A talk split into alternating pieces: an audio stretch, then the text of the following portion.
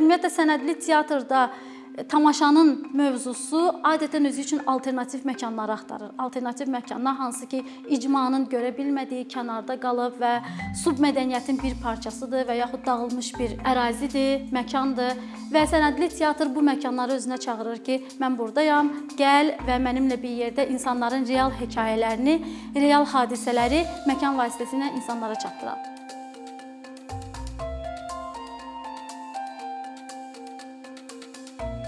Dünya tarixində ümumiyyətlə 20-ci əsrlərə əsrə qədər uzun müddət ancaq gördüyünüz kimi e, komediya, faciə və dram üzərindən tamaşalar hazırlanırdı və yeni bir şey baş vermirdi. Amma siyasi proseslərin astanasında ehtiyac yarandı ki, şahid ifadələri, məhkəmələr, xüsusən 1-ci Dünya müharibəsi, 2-ci Dünya müharibəsi və gizli qalan arxiv sənədlərinin açılması, e, intervyular, müsahibələr və bunlar ehtiyac yarandı ki, məhkəməyə məsələn çıxışı olmayan auditoriyaya bu sənədlər, bu şahid ifadələri eşitdirilsin. Və bunun əsasında e, sənədli teatr deyilən bir e, texnika formalaşdı. Biz indi onun tarixinə baxacağıq ki, sənədli teatr yavaş-yavaş necə tədricən yaranmağa başlayıb. Deməli, sənədli teatrı nə ayırır? Bizim gördüyümüz bu opera, az-drama və digər teatr nümunələrindən. Burada əgər siz səhnəyə baxsaz, orada elə də böyük bir bədii üslubu olan şah kahkaşanlı, şah, şah necə deyirlər, şahanə bir dekorasiya görə bilməzsiniz.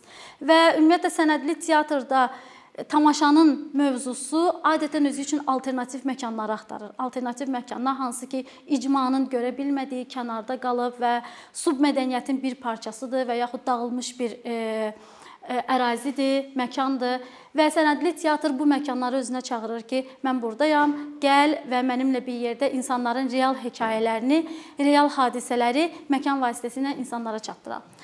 Daha sonra isə e, əgər siz baxsaz, adətən kontekstdə belə bir şey olur ki, bəzi hallarda düzdür, hərəkətli hadisələrdə baş verir. E, mətnin oxunulması e, müəyyən yerlərdə baxsaz düzülmüş stullar ətrafında, düzülmüş stullarda oturmuş insanlar və onlara təqdim olunan real hekayə. Tamaşa bu cür formalaşmağa başlayır. Aktyorların elə də ə, e, qrim rekvizitlərlə və yaxud hər hansı bir tarixi qədim dövrə gedib çıxan və yaxud hər hansı bir hekayəni özündən canlandıran bir ə, e, geyimi forması olmur. Əgər bu şahidin özünün real real hadisəsindən gəlmirsə. Aktyorla tamaşaçı arasında daim qarşılıqlı ünsiyyət gedir. Məsəl üçün biz getdiyimiz tamaşalarda nəyi görürük? Bir səhnə var və aktyorlar orada bizə bir hekayə təqdim eləyirlər. Burada təxəyyül var, fantaziya var. Təxəyyül və fantaziya üzərində qurulmuş arxada e, ssenografik bir e, quruluş var. Hansısa binanın e, çəkilmiş görkəmini görürük və tamaşaçı ilə e, aktyor heyəti arasında bir sərhəd var. Səhnə, səhnədən üzü aşağı tamaşaçılar. Amma sənədli teatrda, sənədli teatr deyir ki, tamaşaçı gəlmisənsə, qulaq asırsansa, dinləmək istəyirsənsə, mənim sənə deyəcəyim bir hekayəm var. Mənim sənə deyəcəyim bir problemim var. İndiyə qədər sıxılmışam, danışmamışam, amma məkandır, vaxtıdır. Məni ilə empatiya hissi qur. Məni hiss elə. Sən məni hiss eləsən, sən başa düşəcəksən ki, real indi hal-hazırda mənim hekayəm sənə nə deyir? Və bunun üçün bizim aramızda sərhəd yoxdur. Tamaşanın içərisində elə bir sözüm, elə bir ani hərəkət yarada bilər ki, gəlib məni qucaqlaya bilərsən. Üzünü çevirib çıxıb gedə bilərsən və yaxud hansısa bir hadisəni sənə xatırlada bilər. Deyəcəksən ki, "Ha, bunu oynayan heç özü tək deyil ki. Mən də bu anda bu yerdə olmuşam." Aktyorun sıfır mövqeyi olur. Nədir bu aktyorun sıfır mövqeyi?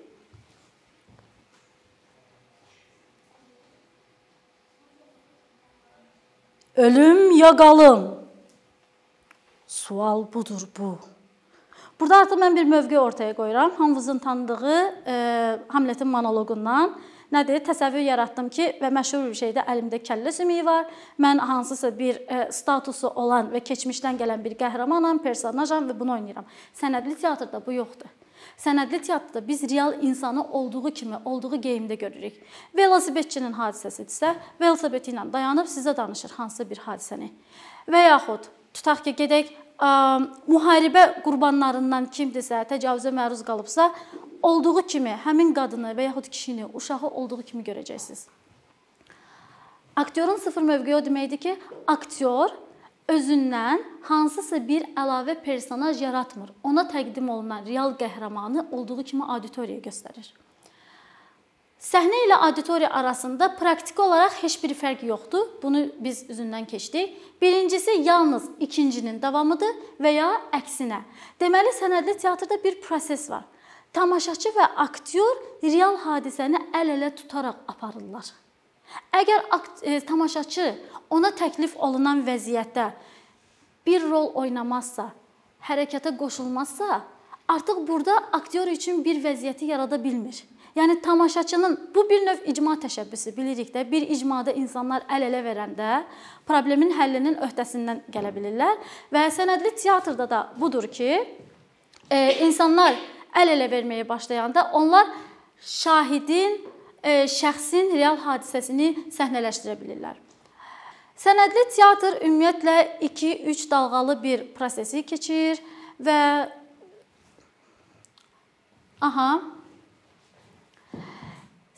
Burada əsasən hadisələr deməli nə cür formalaşır? Müsahibələr əsasında, məktublar əsasında, arxiv materialları əsasında, gündəliklər ola bilər. Anna Frankın gündəlikləri var. Əgər axtara bilsəz, Anna Frankın gündəlikləri əsasında çəkilən sənədli teatrı görə bilərsiniz. Stenoqramlardır, şahid ifadələridir, məqalələr və digər real insanların bizi ilə bölüşə biləcəkləri hər bir şey. Ümumiyyətlə sənədli teatr e, dedikdə bunun bir neçə növü var və çəkdiyim kimi etnodrama var burada, sənədlər əsasında formalaşan var. Ən məşhur, ən yaxşı, e, daha çox müraciət olunan texnika verbatimdir. Verbatim adlanır. E, verbatim şahidin və yaxud müsahibə olunan şəxsin bizə verdiyi söz və söz ifadəsi. Rejissorun burada heç bir müdaxiləsi olmur heç bir təxəyyülü, fantaziyası istifadə olunmur. Və biz ikinci hissədə performansa baxanda orada görəcəyik ki, şahid necə məhkəmə sənədlərində özünün təcavüzə məruz qaldığını göstəribsə, mətn eyni ilə götürülür və dramaturq tərəfindən adaptasiya olunur. Bundan başqa e, burada yəni izah eləyir bu verbatim prosesi necə baş verir, söz və söz dediyim kimi zərrə qədər müdaxilə olunmadan. Və e, bu sənədli teatrda e, e, sanki müxtəlif sən tamaşaçının nə olduğunu bilmirsən və tamaşaçılar müxtəlif sosial kimliklərdən, müxtəlif sosial e, bu e, arxa fonlardan, hekayələrdən, kimliklərdən, şəxsiyyətlərdən, e, peşələrdən gələ bilirlər və auditoriyada fərqli peşələrin, fərqli insanların bölüşdüyü hekayələr hər dəfə eyni təqdim olunan tamaşa üçün fərqli bir atmosfer yaranır. Tamaşanın ana xətti qalır. Əgər bu günləri auditoriya müəllimlərdən ibarətdirsə, qoyulan mövzu təhsil istiqamətindəki problemlərə yönələ bilər. Digər tərəfdən hərbiçilər ola bilərsə, eyni qoyulan mövzu başqa bir istiqamətə müharibə mövzusuna gedə bilər. Yəni bir növ sənədli teatrda təqdim olunan ana süjet xəttini aktyordan kənar dramaturqdan kənar həm də tamaşaçı formalaşdıra bilər. Və e, ümumiyyətlə terminin özünə baxanda burada da gördüyünüz kimi tarixi sənədin təhrif edilməmiş formada e, bir təqdimatıdır. Bəlkə siz bu yaxınlarda Azərbaycanda e, hazırlanan bir tamaşanı görmüsüz. E, Kod adı Vətən xainlərinin e, yoldaşları, arvadları, hansı ki 1937-ci ildə repressiya dövrünə aid olunan arxiv sənədləri əsasında hazırlanıb. Biz buna sənədli tamaşa deyə bilərik, amma bu bir növ sənədli və ya bədii üslubdadır. Çünki orada arxa fon, bizim bildiyimiz teatrın üslubları da, tamaşanın üslubları da istifadə olunur. Azərbaycanda digər tamaşa növlərini hansı ki 3 sənədli tamaşa hal-hazırda nümayiş etdirilir. Mən onun axırda sizə posterlərini göstərəcəyəm və gedib baxıb daha da burdan nəzərə əldə etdiyiniz bilikləri təcrübə ilə, iştirakçılıqla möhkəmləndirə bilərsiniz. Teatrın özünə həm də sözlü teatr deyirlər. Nəyə görə sözlü teatr deyirlər? Rejissor hər hansı bir sosial qrupla insanların davranışlarını, nitqlərini olduğu kimi kopyalayır Sonra bu personajları səhnədə canlandırma məqsədi ilə onların dünyaya baxışlarını aktyor heyəti səhnədə əks etdirir. Və e, bunlar əslində sənədli teatrın bu hissələridir, necə işlənir, hər birinin öz adı var və görünüş baxımından da hər biri bir-birindən fərqlənir. Bunun sözlü teatr dediyim kimi sənət teatrı, söz teatrı, bayaqları sənət teatrıdır, mən sənədli oxudum. Sənət teatrı təqdim olunan sənədlər əsasında hazırlanandır. Hansısa müharibədə itkin düşmüş bir insanın məktubları yığılır və dramaturq tərəfindən müdaxilə edilmədən bir e, e, dramaturji xətt üzrə düzülür, piyes hazırlanır və oynanılır. Şahid teatrı Mənim e, sənədli teatrda ən çox sevdiyim hissə budur. Şahidlərin intervyuları, müsahibələri əsasında hazırlanan şahid teatrıdır. Və mən fikirləşirəm ki, Azərbaycandakı sosial, siyasi, ictimai proseslər üzərindən çox yaxşı sənədli tamaşalar hazırlamaq olar. Çünki hadisələrin gedişatını bilən çox yaxşı şahidlər var. Şahidlər sağdılar və hər hansı bir rejissor təşəbbüs göstərsə, bəlkə də biz öz ölkəmizin, öz ə, e, kimliyimizin teatr arxivini yarada bilərik, sənədləşdirə bilərik. Şahid teatrı aktyorların özləri məlumat donoru olurlar burada bəzən. Gah vaxt şəxsi təcrübələrini bölüşürlər.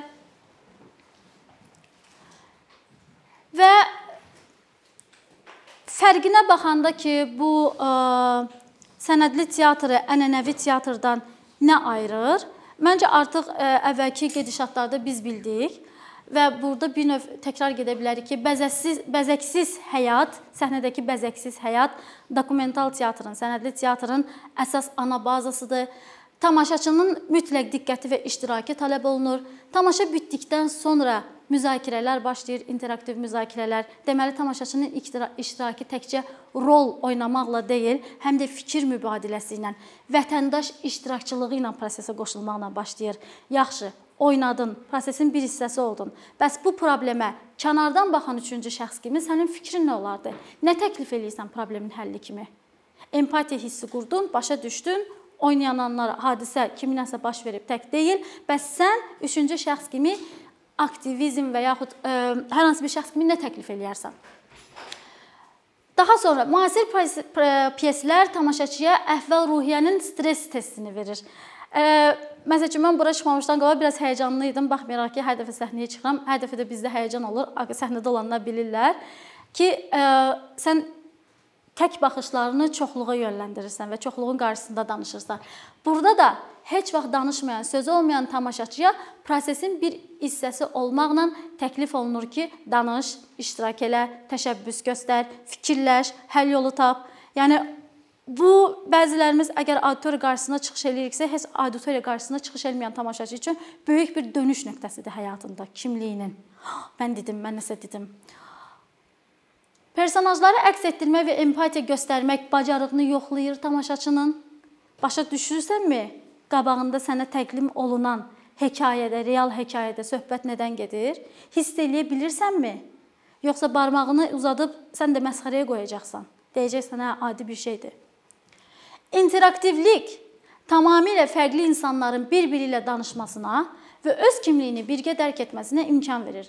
Adətən biz təlimlər keçəndə çalışırıq ki, komanda quruculuğu və yaxud isimli hərəkətləri eləyək ki, auditoriyada 20 nəfər bir-birini tanımayan insan varsa, bir-birinə isnişib daha sonra prosesi bölüşə bilsinlər. Və bu tamaşada da aktyorun e, rejissorun öhdəsində bir şey olur ki, o bir interaktivlik texnikasından istifadə eləsin ki, bir-birini tanımayan insanlar 40 dəqiqəlik və yaxud 60 dəqiqəlik tamaşa müddətindən asılı olaraq təklif olunan müddətdə necə isinmə prosesi təklif eləyə bilər ki, onun 10-15 e, dərəcəsində bir inam yaransın və tamaşaçılar bir-biri ilə isnişib daha sonra özləri təklif olunan proses yarada bilsinlər tamaşanın içərisində. İctimaiyyəti şoka salmaq sənədli teatra tamamilə yaddır Çünki bu həqiqətin manipulyasiyası ilə eynidir. Yəni hansısa tamaşaya gedəndə Notre-Dame'lı Gozbel gəlir səhnəyə və aktyor onu öz baxışları ilə tam o Fransadakı 18-ci əsrin və ya 17-ci əsrin Notre-Dame'lı Gozbel obrazını yaradırsa, tamaşaçı baxanda ki, "Vau!" Yəni Notre-Dame'lı Gozbeli hiss elədim. Bir qəhrəmandır, hansı hekayədən, əsərdən çıxıb o dövrün şeyini gətirir mənim üçün ə, təəssüratını. Burada isə sənədli teatrın elə bir hissi yoxdur ki, mən tamaşada wow effekti yaradım. Onu təəccübləndirim. Deyir ki, bax, avtobusda səhər evdən çıxıb axşama qədər getdiyin yolda 10 nəfər səninlə eyni məhəllədən gedir.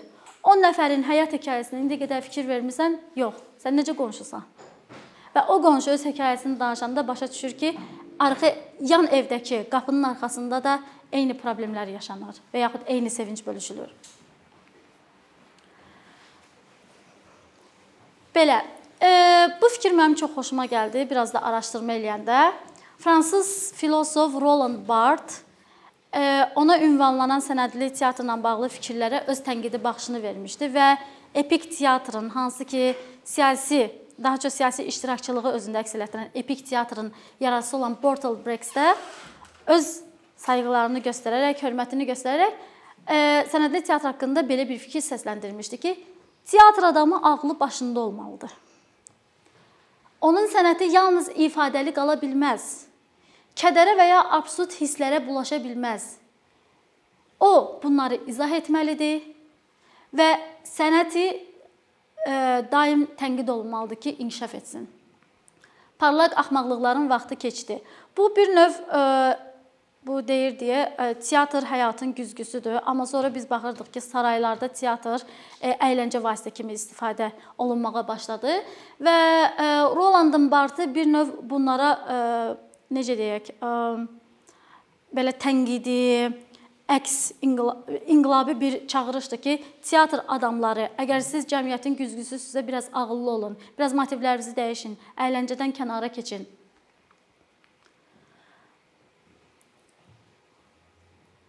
Deməli, İngiltərədə təhsil alanda mən bu sənədli teatrı eşidəndə deyirdim ki, bu necə olan bir şeydir. Sonra imkanım oldu ki, iki ustad dərsinə də qoşulum.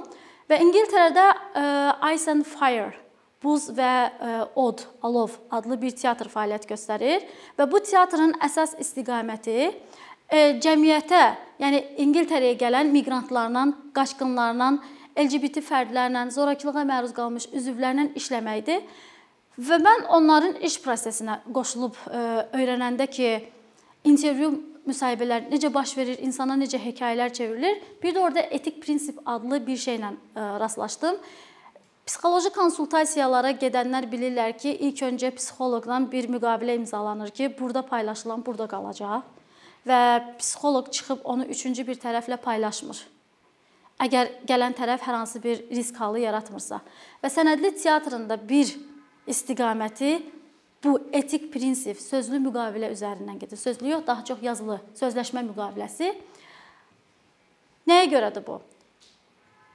Ice and Fire-dan ə, ə, deməli olan rejissor bizi ilə bölüşürdü ki, Miqrantların hekayələrini dinləmək üçün onlar ilk öncə miqrantların, qaçqınların gəldikləri, xüsusən şərq ölkələrindən gələn, orta şərqdən gələn qaçqınların yerləşdirdikləri miqrant düşərgələrinə gedirlər və insanlarla müəyyən bir proseslər keçir və kim razı olursa ki, onun hekayəsi sənədli teatrda səhnələşdirilsin, onlar müsahibəyə qoşulurlar.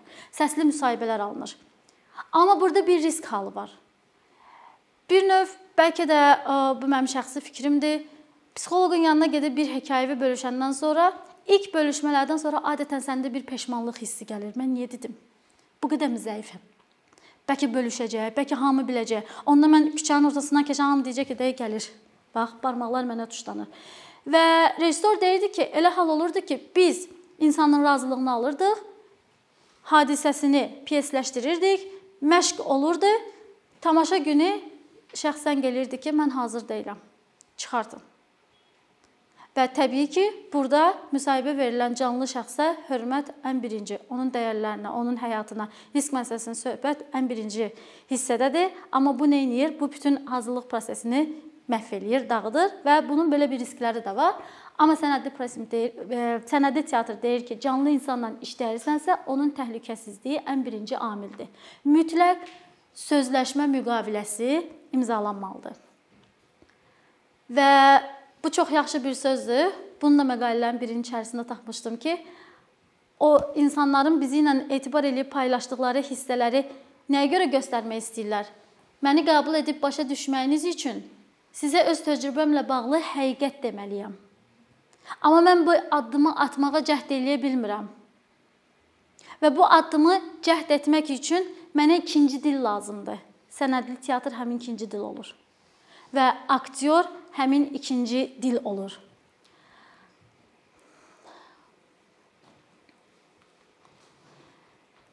Burada başqa bir texnika da var, immersiv. Immersiv sözünü yəqin eşidənlər olub. Mövcudluq effekti yaratmaq. Və bu çox yaxşı bir şeydir. Mən buna öz ailəmdə oyunbazlıq deyiləm. Nədir bu? Əslində burada yazmışam həmişə hamısını. Mövcud olduğun məkanda bir də özünün mövcudluğunu yaratmaq, iştirakçılıq, əvvəldə dediyim kimi. Və rejissor həmişə hansısa bir sənədli tamaşanı səhnələşdirəndə çalışır ki, ora hamının iştirak edəcəyi bir oyun qoysun. Məsələn, bu oyun nədən ola bilər? Bir fikirləşirsən, necə bir kontekst qura bilərəm əgər hər şey oturan stullarda baş verirsə? İsa'nın sonuncu şam yeməyi. A, İsa'nın sonuncu şam yeməyinin fəlsəfi mənası odur ki, hər kəsi yığır, danışır və qidalanırlar, bölüşürlər, paylaşırlar. O konsepsiya üzərindən stol ətrafında insanla bir pay insanlarla paylaşmaq və bir əyləncə texnikası üzərindən iştirakçılıq effektini yaratmaq olur. Və bütün teatrlar çıxanda, bütün e, texnikalar, ümumiyyətlə dünyada hər şey yarananda e, tənqidlərə məruz qalır və yaxud hər hansı bir təbliğat xarakteri ilə e, yaranır. Sənədli teatrında bir neçə dalğası var teatr dünyasında. İlk dalğası 1918-20-ci illəri əhatə eləyir və bir sıra e, təcrübələr göstərirlər. Bunlardan biri Sovetlərin təbliğat estrada kollektivinin e, hazırladığı Mavi köynəklər tamaşasıdır. Mavi köynəklər nə edirdilər? E, deməli bu əsasən Moskva Jurnalistika İnstitutunda e, Osip Brik və Vladimir Mayakovskinin təşəbbüsü ilə yaradılan bir qrupun fəhlələr arasında və yaxud oxuması, yazması olmayan insanlar üçün sosializm ideyalarını yaratmaq, yaymaq məqsədi ilə yaranmışdı. Sinya bluza. Bunlar deməli qara köynək və yaxud boz e, qara və yaxud boz şalvar geyinirdilər, göy köynəklər və sosializm ideyalarını təbliğ edən e, performanslar sərgiləyirdilər, hansı ki nə idi bu performanslar? Təbii ki, Sovetlər ilk dövrlərdə qurulanda e, burjuadan gələn, yəni e, oxuması, yazması olmayan insanlara xəbərləri çatdırmaq lazım idi. Maarifçilik e, etikası texnikası üçün. Və həmin bu heyət çap olunan xəbərləri oxuyurdu, səhnələşdirirdi və insanlar üçün hərəkətli şəkildə deyirdilər. Bu günləri Qırmızı Ulduz kolxozunda nə bilim 7 ton e, pambıq yığılıb. Yaşasın sosializm və yaxud belə və bilinirdi ki, hansı kənd hansı kənddən qabaqdadır bu cür. Heyətin şəklini aydın görürük də, yəqin işıq düşür. Aha. Bu Rusiyada baş verən e, ilkin dalğa idi. Avropada necə idi ilkin dalğa? 20-ci əsrin Alman teatr rejissoru Elvin Piscator 1925-ci. O deməli 1-ci Dünya müharibəsindən qayıdandan sonra Almaniyaya baxır ki, bax o bu müharibənin gətirdiyi aclıq, travma, sosial ədalətsizlik heç dünya teatr dünyasına təsir eləməyib. Teatr dünyası öz ampulasındadır. Əyləncə, əyləncənin arxasıca və rejissoru incitməyə başlayır bu. Və rejissor heç nəyə baxmayaraq tamaşasını e, səhnələşdirir. Nə qədər çalışdım, düzdür, posteri tapmadım. Bəlkə ə, e, özünüz axtarışlara versəz ə, e, bir əldə edə bilərsiniz. Və heç nəyə baxmayaraq tamaşaçısı əsasən ə, e, müharibənin gətirdiyi fəlakətləri özündə tərənnüm etdirirdi, bunun ictimaiyyətə təsirini göstərirdi. Bu da sənədli teatrın ilk dalğasına daxil olan tamaşalardan biridir. İkinci ən güclü dalğa 1960-cı illərdə başlayır və yenə Almaniyada və yenə deməli Bir dəqiqə, e, Ervin Piskatorun e, səhnələşdirilməsi ilə. Və 3 pyes səhnələşdirir gördüyünüz kimi. Pyeslərin də hər üçünün e, deməli əsas mühiti elə Almaniyada 1960-cı illərdə sosializm ideyası və ideoloji bölünmənin yaranmasına həsr olunmuşdu. Sovet incəsənətində isə e, baxmayaraq ki, deməli Almaniyada hazırlanan sənədli tamaşalar cəmiyyətə bir töhfə verirdi, bir fikir, fərqindəlik, maarifləndirmə təsiri verirdi. Sovetlərdə e, Taganka teatrında dünyanı silkələyən 10 gün adlı kitabın müəyyən fəsilləri səhnələşdirilməyə başladı və bu e, demək olar ki, ümumiyyətlə Sovetlərdə sənədli teatr elə də inkişaf eləyə bilmədi. E, bildiyimiz kimi daha çox nəzarət var idi və siyasi fikirlər o qədər də açıq səslənilmirdi, müəyyən e, məhdudlaşmalar olduğuna görə. 1990-cı illər teatra hansı sənədli teatra hansı yeniliyi gətirdi? Thatcher illərində yetişən dramaturqlar səhnənin dilini dəyişdilər. Səhnəyə seks və zorakılıq elementləri gətirdilər. Səhnədə söyüşlər istifadə olunmağa başladı. E, bu əsasən əsaslandırılır Sarah Kane və Mark Ravenhill'in adı ilə. Deməli, artıq səhnə maarifləndirmə məqsədi ilə deyildi. Orada da yazdığım kimi küçələrin çirkli dili ilə danışırdı, söyüşlərlə danışılırdı. Və hazırlanan tamaşaları bir-bir oxuduqca ən çox üstündə dayandığım, mənə təsir eləyən Hesabat verilib adlı tamaşa idi ki, Kilburns Tricycle teatrı tərəfindən hazırlanıb 2007-ci ildə Londonda. Bu teatr əsasən özünün siyasi tamaşaları ilə məşğuldur. 15 il sərasər tamaşalar hazırlayıb və burada nə baş verir? Şəkil nəsə deyir sizə? Nə? Müharibə. Hərbi İraq müharibəsi və İngiltərənin baş naziri Tony Blair. Ümumiyyətlə siyasətlə maraqlanan bilir ki, Tony Blair əsasən ittiham olunurdu İraq müharibəsində müharibə sənədlərinin manipulyasiyası ilə və buna görə çox böyük söz-söhbət çıxmışdı. Biz onun tam da dərinliyinə getməyəcəyik. Amma tamaşada nə olur? Deməli, e, tamaşada şahid heyəti yığılır. Mən onu silmişəm, e, kim tərəfindən hazırlandığını. Tamaşanın prosesi ümumiyyətlə 28 saatlıq intervyulardan, müsahibələrdən hazır e, müsahibələr əsasında hazırlanır və burada adlarını gördüyünüz şahidlər Müdafiə Nazirliyinin keçmiş daimi müşaviri, keçmiş Nazirlər Kabinetinin nümayəndəsi, sonra Butler araşdırmasının üzvü, Kəşfiyyat e, xidmətinin komissarı, Çilinin BMT Təhlükəsizliyinin Şurasındakı sədr və hamısının adlarına baxsaz, əgər vəzifələrinə baxsaz görərsiniz ki, bunlar heç də sadə insanlar deyillər. Bunlar hər hansı bir e, siyasi prosesi, siyasi statusu özündə paylaşan və ümumiyyətlə İraq müharibəsində e, iştirakçılığı olan şəxslərdir, dolayı və yaxud birbaşa. E, tamaşanın 28 saatlıq intervyuları əsasında çox güclü bir e, e, deməli səhnə hazırlanır, pyes qurulur və tamaşa e, rezonans doğulur. E, İnsanlar onu ikinci dəfə baxmaq istəyirlər və bəzi iddialar da var ki, Tony Blairin vəzifədən getməsinə həmin bu hesabata çağırış e, tamaşasındakı insanların tamaşadan sonra insanların verdiyi təpki, yəni təsir olub. Bakıya gələndə çox uzatmadan uzun bir prosesdir. Bakıya gələndə Azərbaycanda proses necə baş verir?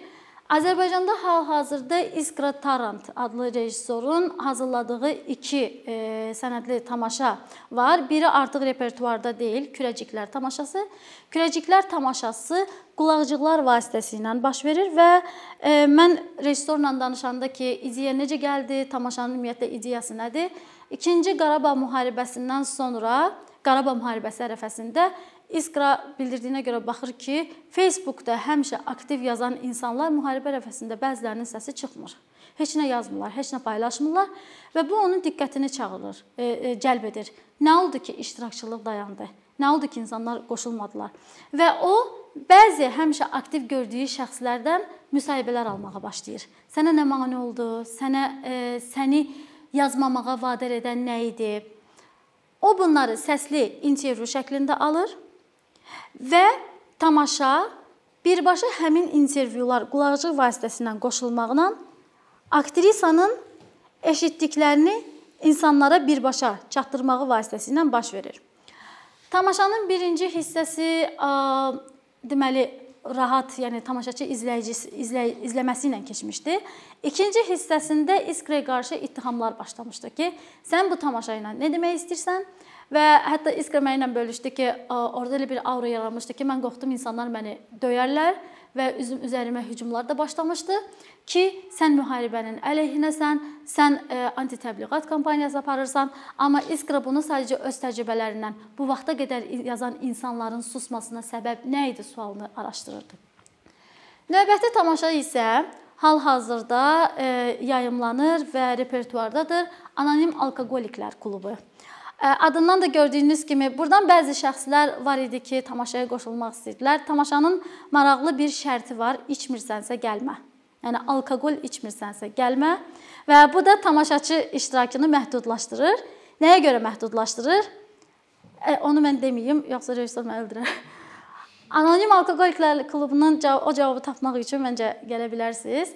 Amma Anonim Alkoqoliklər klubunda çox yaxşı iştirakçılıq var immersiv texnika, iştirakçılıq e, necə qurulur, insanlar necə qoşulurlar prosesə. Belə. Mən istəmədim sizin çox vaxtınızı alım və kiçik bir fasilə verməklə həm də sizə bir sənədli tamaşa nümunəsi göstərmək istəyirəm.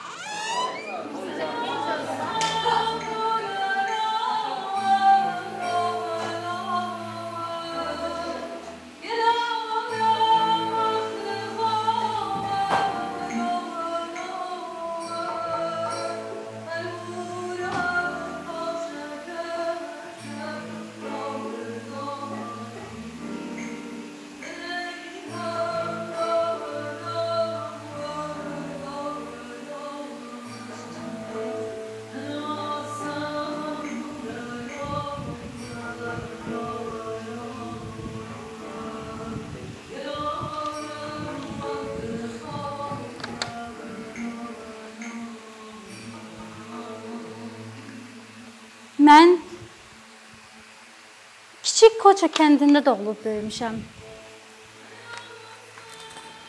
Şimali İraqdakı Sincar dağlarının cənubunda yerləşir kəndimiz. Ailəmin əksəriyyəti Koçada və Cənubi Sincarın digər kəndlərində olduğu üçün ailəm böyük və geniş bir ailə idi. Biz sadə həyat yaşayırdıq. Biz torpaqla məşğul olan torpaqda işləyən, torpaqda böyüyən sadə kəndlilər idik. Bizim mənim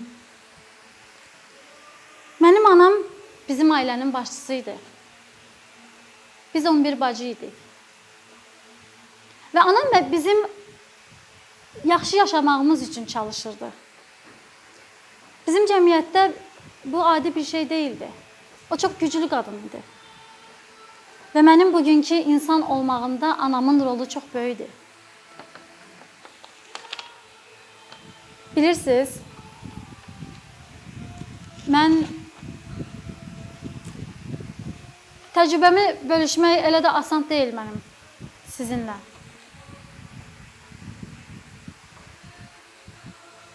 Amma mən bunu etdim.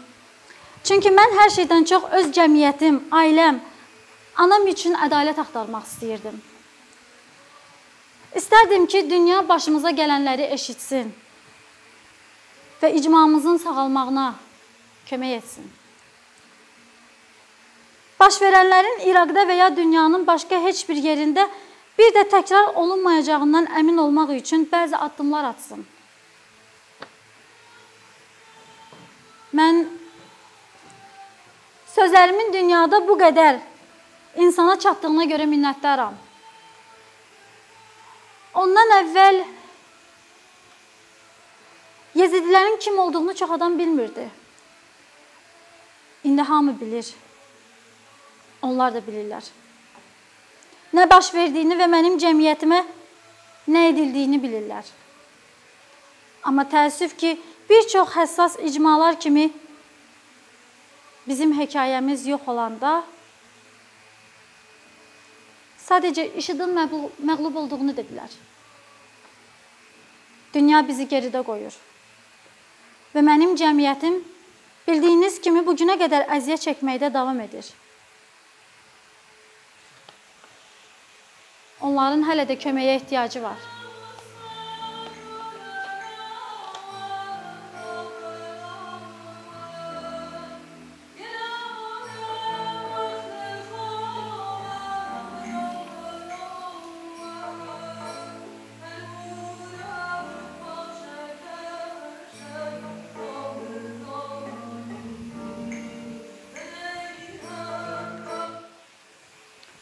Çox sağ olun, təşəkkür eləyirəm.